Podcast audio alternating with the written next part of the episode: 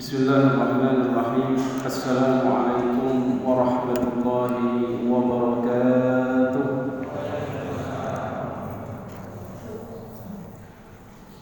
إن الحمد لله نحمده ونستعينه ونستغفره. ونعوذ بالله من شرور أنفسنا ومن سيئات أعمالنا.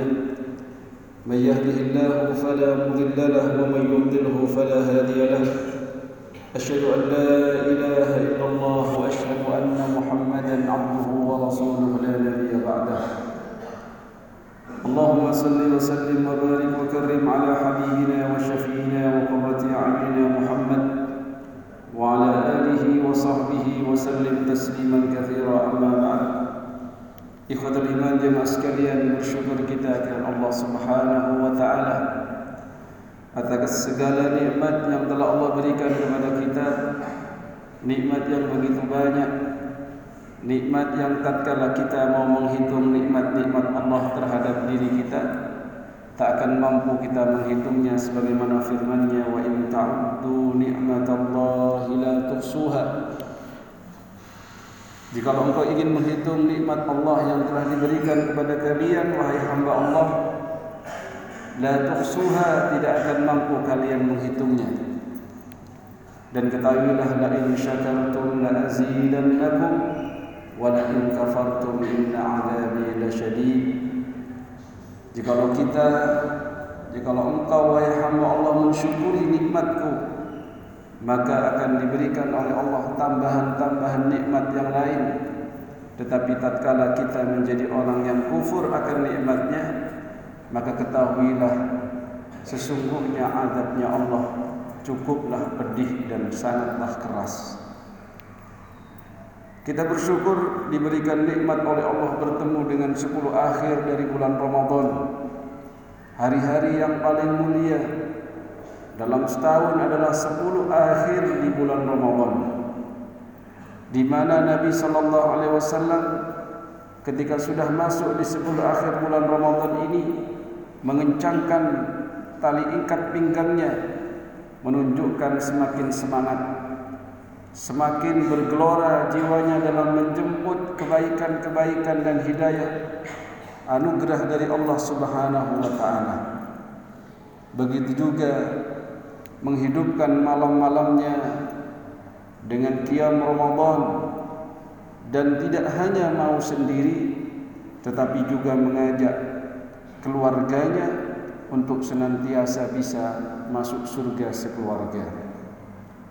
Ikhwatul iman jemaah sekalian, tugas kita adalah kembali ke tempat kita di mana Nabi Adam diciptakan di surga dan kita sebagai anak Adam ingin dan harus memiliki tujuan kembali ke tempat asal kita. Sebelum akhir bulan Ramadan ini adalah momen bagaimana kita ini bermujahadah. Walladzina jahadu fina lanahdiyannahum subulana. Bahwasannya orang-orang yang bermujahadah untuk mencari jalan Allah, mencari hidayah Allah, pasti kata Allah kami akan memberikan hidayah itu. Pasti Allah akan berikan jalan itu. Ikhwatal iman, pasti setiap mujahadah ada tantangannya. Salah satu mujahadah yang dilakukan oleh Nabi di 10 akhir bulan Ramadan ini beriktikaf.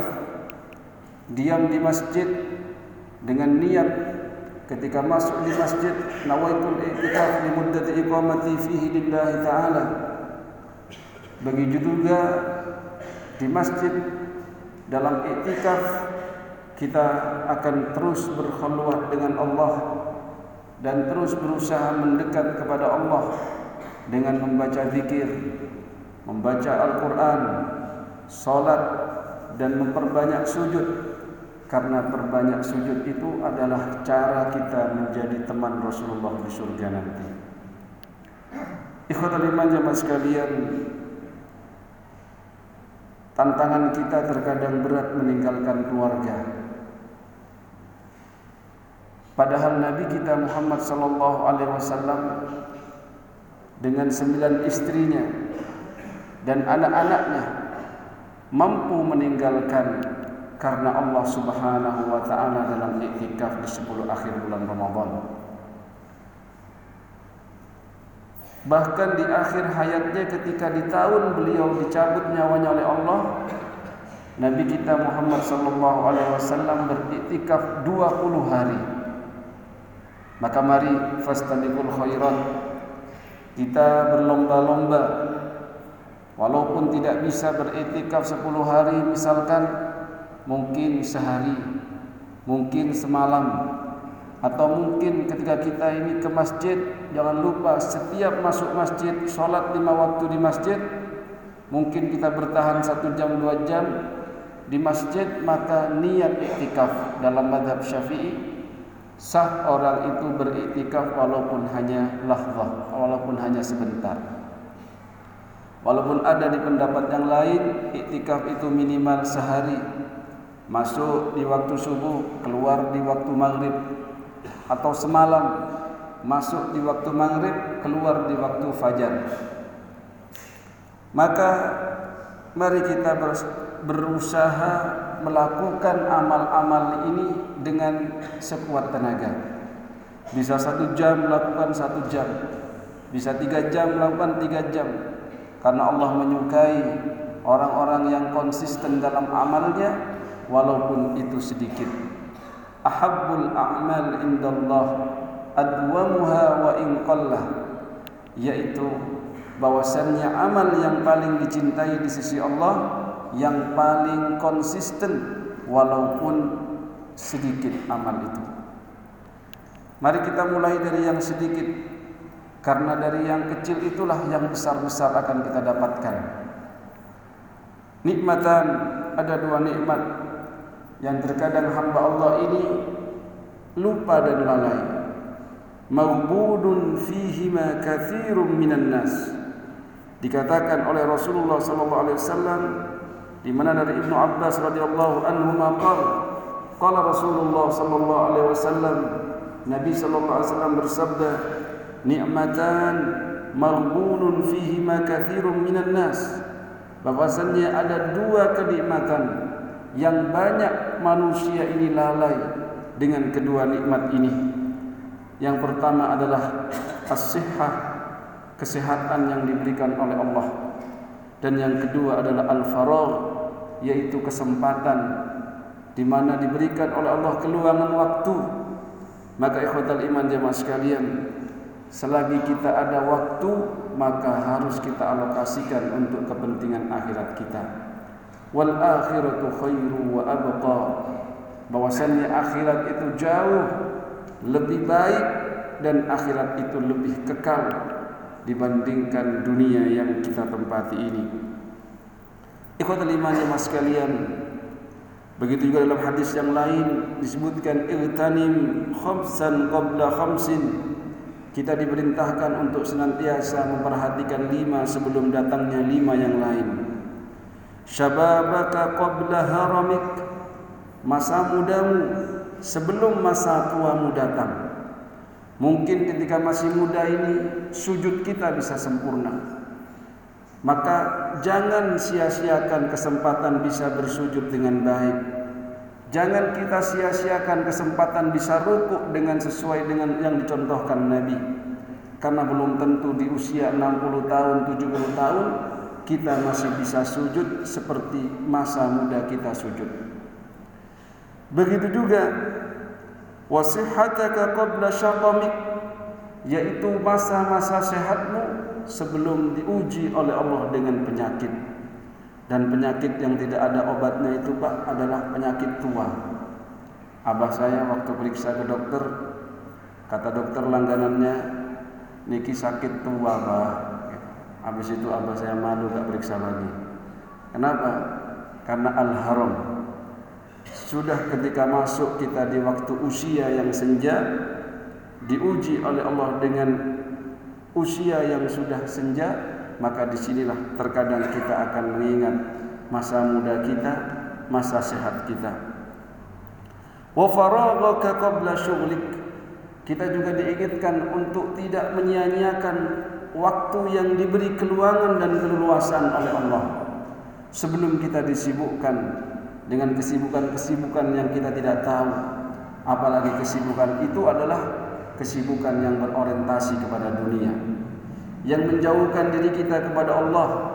Entah itu karena permainan entah karena itu hobi atau dalam lingkup olahraga di mana semua itu jikalau kita sadari tidak bisa menambah pundi-pundi amal kita di hadapan Allah dalam urusan akhirat maka jangan sampai melalaikan kita ikhwatal iman ikhwatal iman jemaah sekalian begitu juga tatkala kita diberikan oleh Allah kekayaan.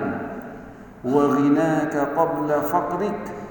Mari tatkala kita diberikan rezeki oleh Allah infakkan rezeki itu.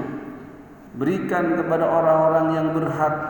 Kalaupun kita tidak mampu maka berikan kepada orang-orang yang lebih tidak mampu lagi.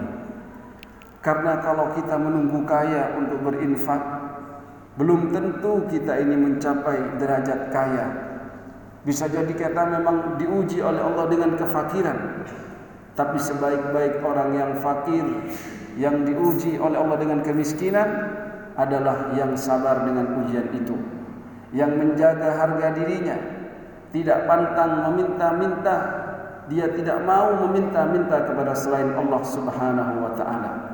Yang mau hanyalah meminta kepada Allah iyyaka na'budu wa iyyaka nasta'in. Maka bagi kita yang diberikan oleh Allah sebagian rizki rizki yang melimpah jangan lupa janganlah kita menjadi orang-orang yang mendustakan agama. Ara'aita alladhi yukadzibu bid-din fadzalika alladhi yad'u al-yatim wa la yahuddu ala ta'amil miskin. Tidakkah kalian melihat orang-orang yang mendustakan agama itu mereka yang tidak peduli dengan orang-orang miskin di sekitarnya, tidak peduli dengan anak-anak yatim yang ada di sekitarnya, apalagi yang miskin itu adalah kerabatnya sendiri dan saudaranya sendiri. Bihi wal arham.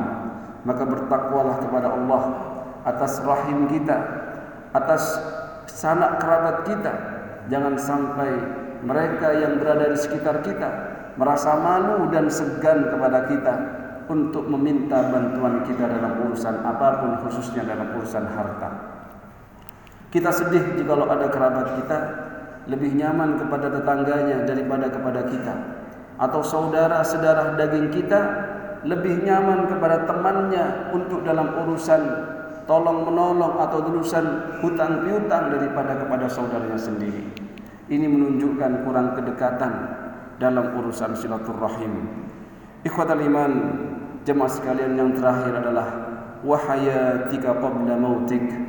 Tatkala kita diberikan umur oleh Allah, mari kita gunakan umur kita ini untuk kebaikan. Setiap hari ke hari maka berkuranglah jatah hidup kita. Karena ketentuan umur kita sudah diberikan oleh Allah. Tetapi mereka yang ingin dipanjangkan umurnya oleh Allah, man yurid, orang yang ingin dipanjangkan umurnya oleh Allah. Man arada ayyutawwilahu fi umri falyasil rahimah. Maka sambunglah silaturahimnya. Barang siapa juga yang ingin ayyuwassi'alahu fi rizqih ingin dilapangkan rizkinya oleh Allah falyasil rahimah. Silaturahimnya dikencangkan. Silaturahimnya dirajut kembali. Insyaallah Allah berikan kesehatan Insya Allah Allah berikan umur yang panjang. Walaupun ada pendapat Apakah umur bisa bertambah? Ketika sudah ditentukan di lauhil mahfud misalkan Kuasa Allah Yaktubu ma yasha Wa yamhullah ma yasha. Biarkanlah Allah yang menentukan Apakah Allah ingin menambahkan umur kita Atau ingin menghapuskan Atau terserah itu pasrahkan kepada Allah.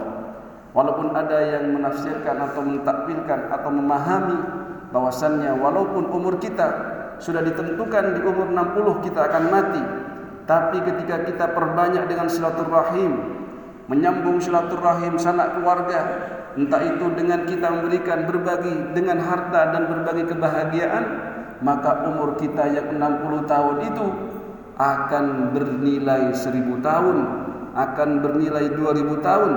Apalagi tatkala kita lakukan di Lailatul Qadar, malam kemuliaan di mana khairum min alfi syahr, lebih baik dari seribu bulan, bukan sama dengan seribu bulan, tetapi jauh lebih baik dari seribu bulan. Entah itu dua ribu bulan atau tiga ribu bulan, hanya Allah yang maha tahu. Semoga kita benar-benar menjadi orang-orang yang tidak tersesat dalam dunia ini. Kita menjadi orang-orang yang cerdas dalam pandangan hadis. Al-kayyisu man amila lima ba'dal maut. Orang-orang yang cerdas itu yang senantiasa beramal untuk kematiannya. Namun sebaliknya wal ajiz, orang yang bodoh dia adalah orang yang senantiasa mengikuti hawa nafsunya. Man atba'a hawa wa tamanna 'ala amani namun dia menginginkan dari Allah harapan-harapan yang muluk-muluk pingin ini, pingin itu, pingin ini, pingin itu dari Allah tapi tidak mengabdikan dirinya kepada Allah. Dia mengabdikan dirinya dengan hawa nafsunya menjadi abdul hawa hamba nafsunya bahkan menuhankan nafsunya. Afara'aita man ittakhadha ilahahu hawa? Tidakkah kalian melihat ada orang-orang yang menuhankan hawa nafsunya, mengikuti hawa nafsunya. Ketika sukses dia sombong, ketika terjatuh dia bunuh diri karena dia tidak menemukan Tuhan, tidak menemukan zat yang maha sempurna Allah Jalla Jalaluh wa Ta'ala azamatuh fil ulah. Semoga kita diberikan oleh Allah kemudahan untuk bisa menjadi orang-orang yang utaqa minan nar, yang dibebaskan oleh Allah dari api neraka, yang mana di setiap malam bulan Ramadan dan di 10 akhir bulan Ramadan ini Allah membebaskan banyak sekali hamba-hambanya yang telah ditetapkan menjadi ahli neraka. Semoga kita diselamatkan oleh Allah dari siksa api neraka dan dimasukkan ke dalam surganya yang mulia dan menjadi hamba-hambanya yang dicinta. Amin. Allahumma amin. Subhanakallahumma bihamdika asyhadu an la ilaha illa anta astaghfiruka wa natubu ilaik. Wassalamu alaikum warahmatullahi wabarakatuh.